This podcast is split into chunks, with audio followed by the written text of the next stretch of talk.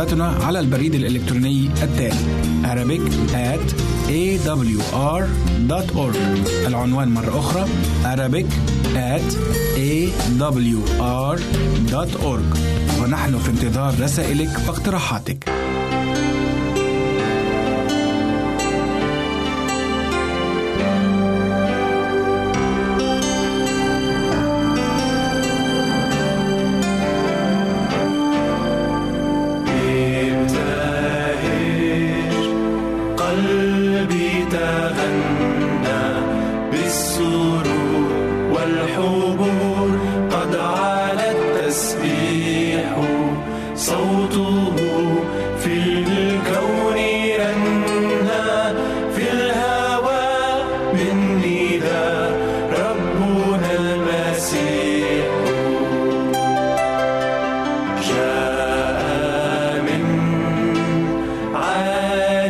السماء المسيح.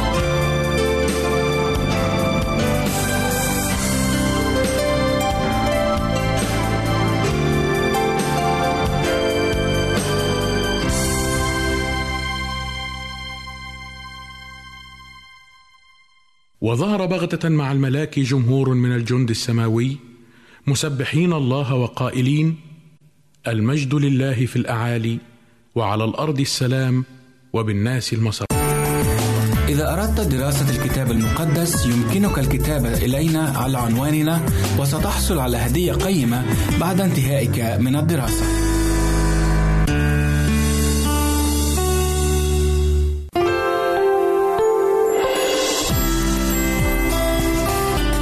إذاعة صوت الوعد. لكي يكون الوعد من نصيبك.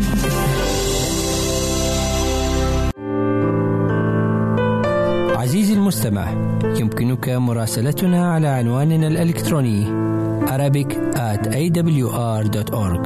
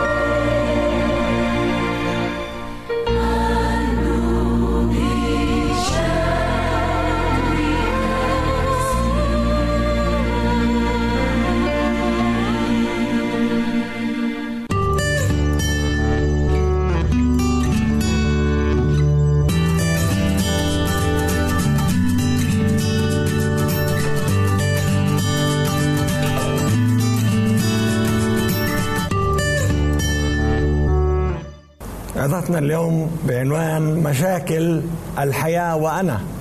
والقراءة المقدسة مأخوذة من رسالة الرسول بولس إلى أهل غلاطيا والإصحاح السادس ومن عدد واحد إلى عدد ثلاثة حيث يقول لنا أيها الأخوة إن سبق إنسان فأخذ في زلة فأصلحوا أنتم الروحانيين مثل هذا بروح الوداعة ناظرا إلى نفسك لئلا تجرب أنت أيضا.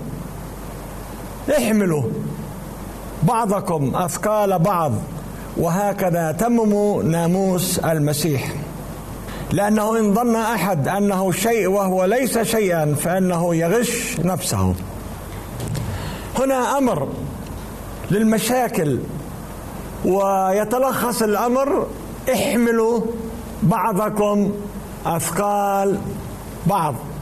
كيف ممكن أن نحمل أثقال بعضنا البعض؟ إذا واحد حامل شغلة يعني بدنا نحمل عنه ما يحمله أو نساعده بحمله بيقول هيك بتتمم الناموس الخطية جلبت نتائج كثيرة. المرض الوجع المشاكل الحروب الأوبئة المجاعات. يوجد مشاكل كثيرة في عالمنا هذا. والمشاكل تزداد أكثر وأكثر. الأمراض تزداد أكثر وأكثر. على الرغم من إنه أدوية كثيرة تخترع من أجل مساعدة المرضى ولكن لا يزال هنالك أمراض لا يزال هنالك مشاكل. وهون القديس بولس بيقول احملوا بعضكم أثقال بعض. كم الخطيئة جلبت من نتائج؟ مشا... نتائج شخصية ونتائج اجتماعية وعائلية. نتائج تتعلق بالزوج والزوجة والأبناء. بالطلاق بالمشاكل التي ليس لها إحصاء. ليس لا نستطيع أن نعددها ولكن نحن آه، ندركها أن هنالك مشاكل كثيرة. ولا واحد في العالم بصورة عامة مستثنى من هذه المشاكل. ولكن السؤال كيف أستطيع أن أحمل ثقل شخص آخر وأطبق هذه الوصية احملوا أثقال بعضكم البعض؟ نتأمل في مشاكل الموت. أبونا آدم وحواء نعرف أنهم كان عندهم ولدين قايين وهابيل. وبنعرف انه الشيطان زي ما أقنع حواء تتمرد على الله أقنع قايين إنه اقتل هابيل والرب أنذره. إن أحسنت أفلا رفع وإن لم تحسن فعند الباب خطية وإليك اشتياقا وأنت تسود عليها. ولما سألوا ربنا أين أخوك؟ قال حارس عن أخي. قال دم أخوك. صرخ إلى السماء. أنت قاتل. كم حزن آدم وحواء. عرفوا إنه أجرة الخطية موت. أخ يقتل أخوه. واليوم هذه المشاكل آه، موجودة بشكل كبير في العالم. القتل. لا تخلو جريدة أو أخبار كل يوم من حوادث القتل وحوادث الاغتصاب وحوادث الخطف. حوادث كثيرة. نأخذ أيوب. أيوب كان مستمتع. رجل غني وعنده خدم وعنده سبع أولاد وعنده ثلاث بنات. والشيطان وضع عينه على أيوب وجاب عاصفة ضربت البيت اللي كانوا مجتمعين فيه ومات الجميع. السبع أولاد وثلاث بنات. قديش كانت كارثة كبيرة؟ أثرت على زوجة أيوب وأثرت على أيوب وأيوب قال الرب أعطى والرب أخذ فليكن اسم الرب مباركا. لن أكفر بالله سأتقبل كل شيء منه. في الكتاب هنالك أحزان كثيرة. داود كان انقلاب عسكري من ماذا؟ من ابنه بشلوم كان يريد أن يأخذ التاج يأخذ المملكة. إبليس يتمجد عندما يقتل. شخصيا أنا القس كميل حداد. الشيطان أيضا حاربني وقتل لي ولدين. ولد أربع سنين ونص ولد سنة ونص. إبليس يريد أن يحبط ويقول أنت مع الرب؟ لماذا الرب لا يحفظ أبنائك؟ لماذا يقتلوا؟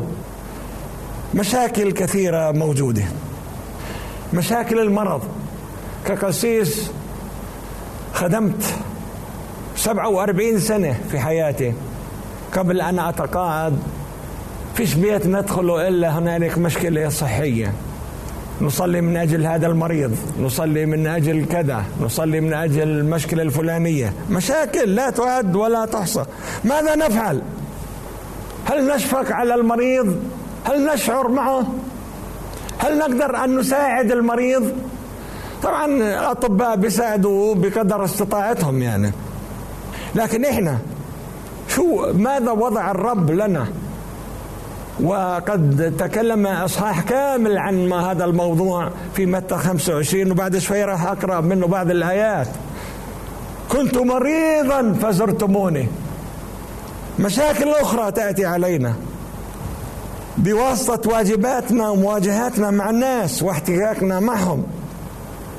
نأخذ موسى يقول عنه الكتاب كان محمل بالمشاكل من الصباح حتى المساء. وحمه وقال له يا أخي شو حامل؟ حامل هم كل الشعب أنت. اعمل رؤساء ألوف رؤساء مئات رؤساء خمسين رؤساء عشرات. خلهم يحملوا عنك الحمل. بيقول في عدد 12 ثلاثة وأما الرجل موسى كان حليما جدا. كان حليم جدا. أكثر من جميع الناس الذين على وجه الأرض. رجل صبور جدا. بولس في العهد الجديد يتحدث عنه في رسالة كورنثوس الثانية 11 و 28 ويقول عنه عدا ما هو دون ذلك. التراكم علي كل يوم. الاهتمام بجميع الكنائس مشاكل كثيرة. كل ما زادت المسؤولية على الشخص كل ما كانت المشاكل أكثر ومشاكل معقدة أكثر. بنقرأ كمان بكورنثوس الثانية إصحاح 12 وعدد سبعة ما يلي. أعطيت شوكة في الجسد. مرض؟ لحد الآن غير معروف بالضبط. ملاك الشيطان ليلطمني لئلا أرتفع. من جهة هذا تضرعت إلى الرب ثلاث مرات أن يفارقني صلوات قوية. فقال تكفيك نعمتي لأن قوتي في الضعف تكمل. فبكل سرور أفتخر بالحر في ضعفاتي لكي تحل علي قوة المسيح. والآية اللي بعدها جميلة جدا لذلك اسر بالضعفات. وإيش كمان؟ والشتائم. قديش كان بيسبوا عليه؟ والضرورات والاضطهادات والضيقات. كل هذا لأجل المسيح. لأني حينما أنا ضعيف فحينئذ أنا قوي. كلمات رائعة. كل هالمشاكل هاي. كانوا كان مسؤول. مشاكل كثيرة اصفار كثيرة. ولذلك ينصحنا احملوا بعضكم أثقال بعض. احملوا مشاكل بعضكم البعض احملوا أثقالهم مشاكلهم. شاركوهم ساعدوهم كفوا بجانبهم حتى يتحملوا أعباء هذه الحياة. الله وضع الغني ووضع الفقير. ووضع مسؤولية على الغني أن يشارك الفقير ويدعمه ويعينه على أن يأكل وعلى أن يلبس وعلى أن يتحمل أعباء الحياة. الله أعطانا مسؤولية أن نساعد بعضنا البعض أن نحمل أثقال بعضنا البعض. والمسيح عندما سئل سأله أحدهم من هو قريبي؟ أجاب بمثل يفسر لنا هذا هو السامري الصالح. في إنجيل لوقا عشرة وبالأعداد 30 إلى 35 لوقا صح عشرة 30 إلى 35 هنالك من هو قريبي؟ شيء حلو المسيح قال قصة إنسان كان نازل من القدس إلى أريحة وتعرض إلى سرقة إلى لصوص سرقوا تجارته عروه حتى تقريبا من ملابسه ضربوه بعد ما قاوم وكان الدم آه، ينزف وفي حالة خطرة ويقول الكتاب أن أن رجال الدين مروا بجانبه. وهذا الإشي الذي يحيرني أنا كرجل دين أنه رجل الدين يرى شخص هكذا ولكن لا يتحرك ليساعده. كاهن؟ أول شيء. وبعد الكاهن مر شخص لاوي.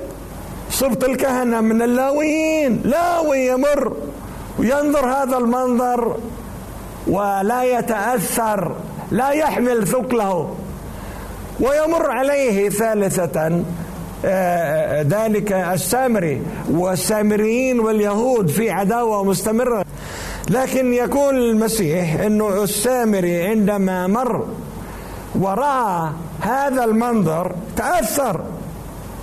بيقول بعدد ثلاثة وثلاثين ولكن سامريا مسافرا جاء إليه ولما رآه تعجبني هذه الكلمة تحنن حن عليه فتقدم. وضمد جراحاته. شو عمل كمان؟ وصب عليها زيتا. وصب عليها خمرا. وأكثر من ذلك أركبه على دابته. وأتى به إلى فندق. الفندق هون مستشفى. مكان ممكن يعني يعتنوا في ذلك المريض الجريح. واعتنى به. وفي الغد بده يمضي لتجارته.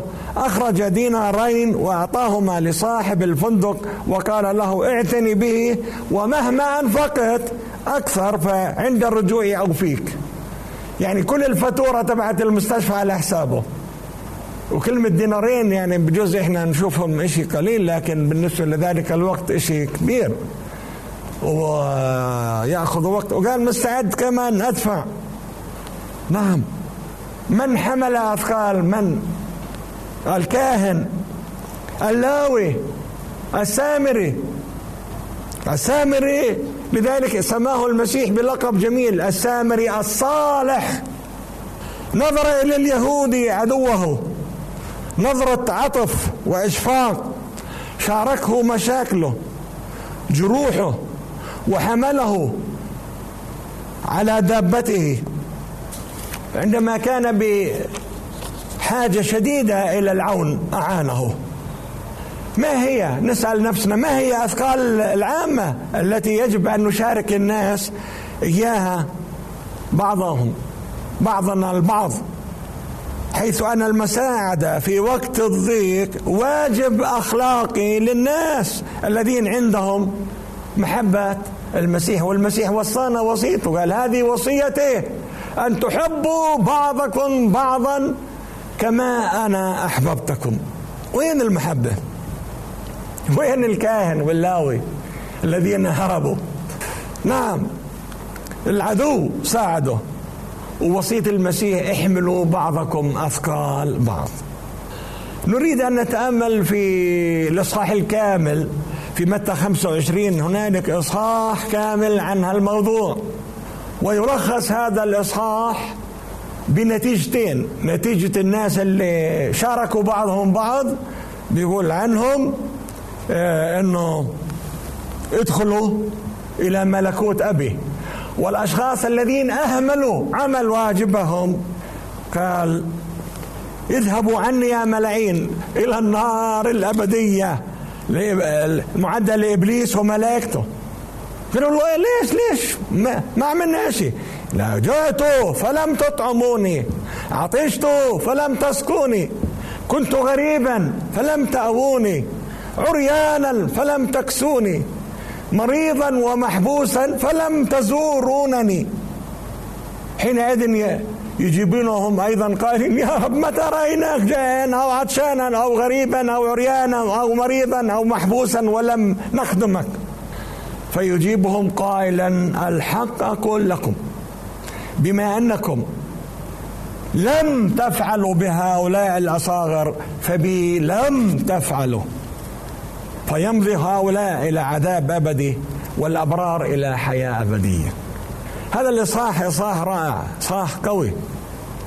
يبين واجبات المسيحي تجاه كل شخص إن كان قريبه أو كان عدوه أو كان من جنس آخر أو كان من مذهب آخر عند الله لا يوجد هالأمور.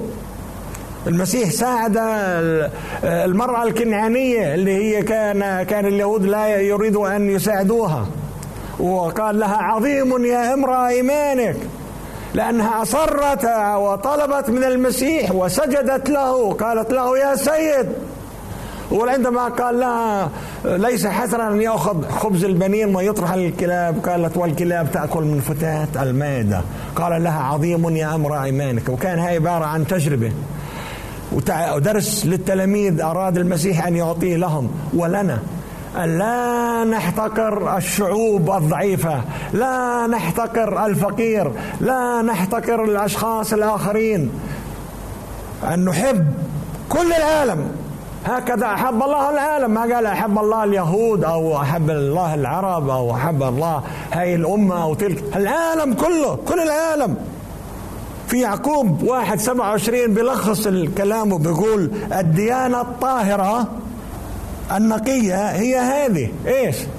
افتقاد اليتامى والأرامل في ضيقتهم وحفظ الإنسان نفسه بلا دنس من العالم. احملوا بعضكم أثقال بعض.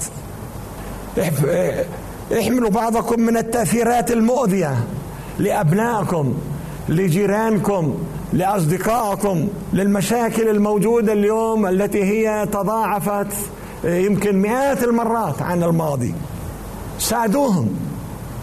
صلوا من أجلهم. هل بصلاتنا نصلي من أجل الناس الضعفاء المرضى؟ الجياع العطاش المشردين نتيجة الحروب والمشاكل. هل صلاتنا تتضمن الفقراء والحزانة الذين فقدوا عزيز عليهم البائسين؟ بولس دائما يقول كنت أصلي من أجل المؤمنين. عندما نصلي من أجل هؤلاء الناس يوجد بركات الرب وعد فيها لنا. وهذه البركات سوف لن ندركها حالا ولكن عندما يأتي يسوع سيكافئنا باكليل البر الحياة الأبدية عندما نشارك الآخرين أثقالهم. وهذه مبينة كما قرأت في في إنجيل متى 25 علمها المسيح. يمضي هؤلاء إلى عذاب أبدي والأبرار إلى حياة أبدية. عندي أخبار سارة. في سجلات الملائكة بسجلوها أريد أن أقرأ لكم آه، آية في ملاخي الصاح ثلاثة وعدد 16 و18 حينئذ كلم متقي الرب كل واحد قريبه والرب أصغى وسمع وكتب أمامه سفر تذكرة لمين؟ لمين السفر هذا؟ للذين اتقوا الرب والمفكرين في اسمه ويكون لي قال الرب الجنود في اليوم الذي أنا صانع خاصة أشفق عليهم كما يشفق الإنسان على ابنه الذي يخدمه. هذا هو الإله. سجل سفر عن أعمالنا. مستمعي الكريم لو الرب فتح هذا السفر في هذا اليوم ماذا سيكون مكتوب عنا عن حياتك؟ كم شخص ساعدته؟ كم شخص أحببته؟ هل تحب أعدائك هل تحب قريبك كنفسك؟ كلمات التشجيع. عندما يكون الإنسان محبط مصاب بالإحباط وعنده مشاكل ويقف جاره ويقف صديقه بجانبه كلمة جميلة في محلها بلسم شافي للقلب الجريح. هل نتحدث مع الآخرين عن المحبة كما علمنا المسيح؟ كيف نشارك الآخرين بحمل أثقالهم؟ شو القاعدة الذهبية اللي المسيح علمنا إياها؟ مثل ما تريد أن يفعل الناس بكم افعلوا هكذا أنتم أيضا بهم. هل هذا هو المبدأ المسيحي هنا؟ هل كلام المسيح أثر على قلوبنا وعلى عقولنا وعلى حياتنا وعلى بيوتنا وعلى كنائسنا وعلى شخصيتنا؟ هل عندنا محبة؟ هل نتمتع بالمحبة؟ أحبوا بعضكم بعضا كما أحببتكم. أم نتطلع إلى مصالحنا الشخصية؟ أم بنشارك الآخرين أثقالهم؟ احملوا بعضكم أثقال بعض. ساعدوا والرب سوف يجازيكم. والرب كتب سفر تذكرة للذين يفعلون الصالحات. الذين يحبوا الأخوة الذين يعملوا كما عمل المسيح عندما عيره آه، رجال الدين. كان لا يحتاج الأصحاء إلى طبيب بل المرضى. الناس الضعفاء الناس اللي عندهم مشاكل وقفوا بجانبهم. هل نحن نقف بجانبهم؟ هل نحن عندنا عطف ومحبة تجاههم؟ صلاتي في النهاية. أقول يا رب يا إله اجعل هالكلمة تأثر في حياتنا ونغير يا رب حياتنا كليا ونحب الضعفاء ونحمل أثقال بعضنا البعض نحب بعضنا البعض نساعد بعضنا البعض الجيان نطعمهم العراة نكسوهم الفقراء نتبرع لهم ونعمل أعمال المسيح. حتى نمجد أبانا الذي في السماوات باسم الآب والابن والروح القدس الإله الواحد. آمين.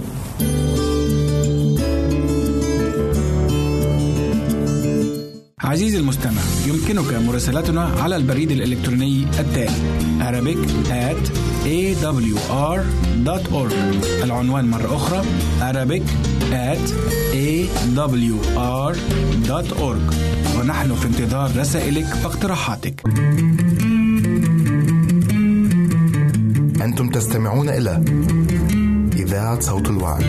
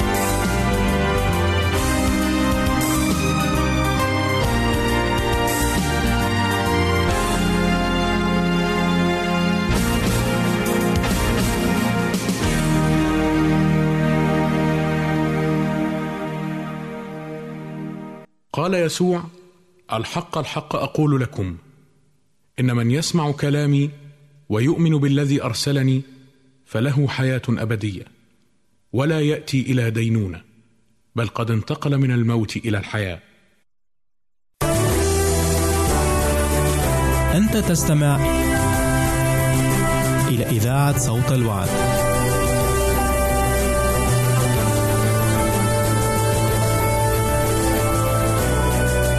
عزيزي المستمع يمكنك مراسلتنا على البريد الإلكتروني التالي Arabic at awr.org العنوان مرة أخرى Arabic at awr.org ونحن في انتظار رسائلك واقتراحاتك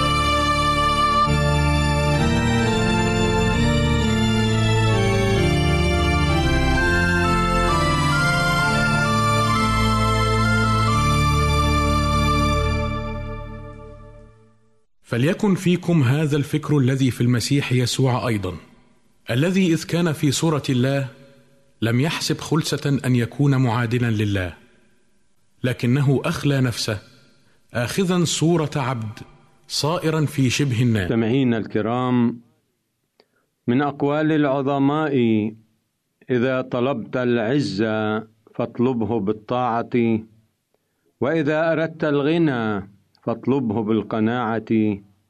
فمن أطاع الله عز نصره ومن لزم القناعة زال فقره. نرحب بكم مع لقاء الروح وحلقة اليوم بعنوان القناعة. من برنامجكم الروحي من وحي الكتاب. نعيش معها فضيلة القناعة في سطور ونعيش طمأنينة النفس بين يدي الخالق. تبارك اسمه. ويا هلا. نبدأ المشوار مع كلمات الرسول بولس في رسالته الأولى إلى أهل تيميثاوس. الإصحاح السادس والآية السادسة. وأما التقوى مع القناعة فهي تجارة رابحة. قليلون هم الذين يتحلون بالقناعة الحقيقية. فالناس عادة لا يرضون بشيء بل تجدهم دائما يتطلعون إلى ما ليس عندهم. وسواء كان ذلك ما يسعى الإنسان للحصول عليه جيدا أم رديئا فهذا يرجع للإنسان نفسه. ولكن رغم ذلك تبقى الحقيقة أن أساس كل القناعة هي التقوى والصلاح. فبدون التقوى لا يمكن أن تشعر النفس بالرضا والقناعة.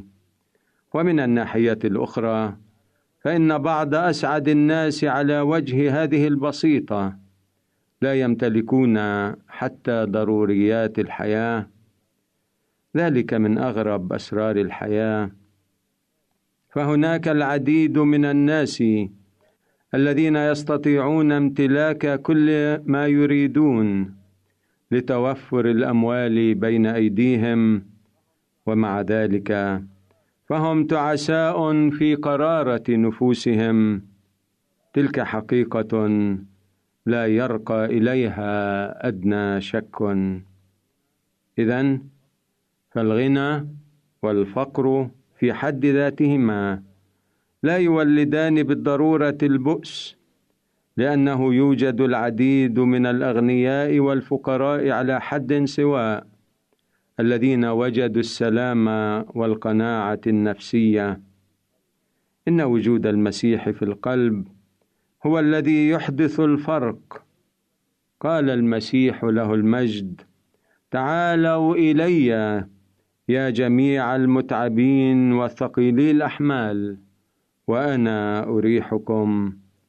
فالقناعة هي عطية من الله ومع ذلك فينبغي أن ندرك أن السلام العقلي المشار إليه في آية اليوم لا يشير إلى الرضا النهائي.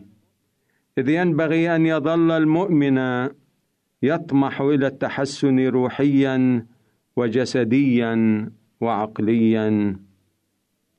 والآية لا تشجعنا على أن نكلل ذواتنا ونهنئ أنفسنا ونسترخي مكتفين بما أنجزناه. علينا أن نذكر دائما أن منجزاتنا مهما كانت كثيرة وماهرة فهي ليست كافية. التحذير المتضمن في الآية هو ضد التنافس في الطموحات أي الميل إلى إشباع رغبتنا لكي نكون مثل جارنا أو صديقنا. فالقناعة لا تعترض أو تعوق التقدم. بل ينبغي بالحري أن تقدر الشخص على التمتع بالحياة كما هي والسعي فيها رغم ظروفها الصعبة. إننا نمضي في مسيرة هذه الحياة مرة واحدة لا غير ونحن مدينون لذواتنا أن نحياها ونموتها سعداء. هذا هو امتيازنا. والآية تؤكد لنا هذه الحقيقة وتعرفنا كيف ننجزها. هناك انفعال شديد أو قلق يصاحب عدم الرضا. تململ يبقي صاحبه دائم الحركة وجذور عدم الرضا والقناعة والتململ هي الخطية. ويوضح أشعياء النبي هذه الحقيقة بقوله ليس سلام قال إلهي للأشرار. ليتك أصغيت لوصاياي فكان كنهر سلامك وبرك كلجج البحر. إن هدوء البحر وسكونه هو أفضل تشبيه للقديس. الذي يتحلى بالقناعة ويعكس السلام في وجه حبيبه وسيده يسوع. عزيزي المستمع بالرغم مما تجلى في حياة إمام المغنين داود النبي من ضيقات إلا أنه توكل على الله بكل قواه. فاسمعه يقول في المزمور الخامس والخمسين والآية 22 هذه الكلمات ألقي على الرب همك فهو يعولك لا يدع الصديق يتزعزع إلى الأبد. آمل أن تكون قد توكلت عليه أنت أيضا. تذكر القول المأثور القناعة كنز لا يفنى. فاقتني هذا الكنز ولتكن قناعتك في الله وفي سلام القادر على كل شيء لنا لقاء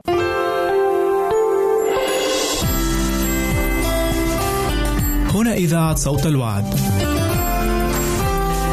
لكي يكون الوعد من نصيبك.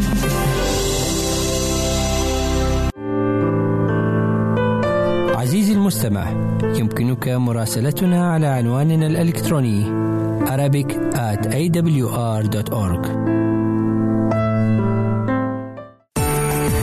إذا أردت دراسة الكتاب المقدس يمكنك الكتابة إلينا على عنواننا وستحصل على هدية قيمة بعد انتهائك من الدراسة.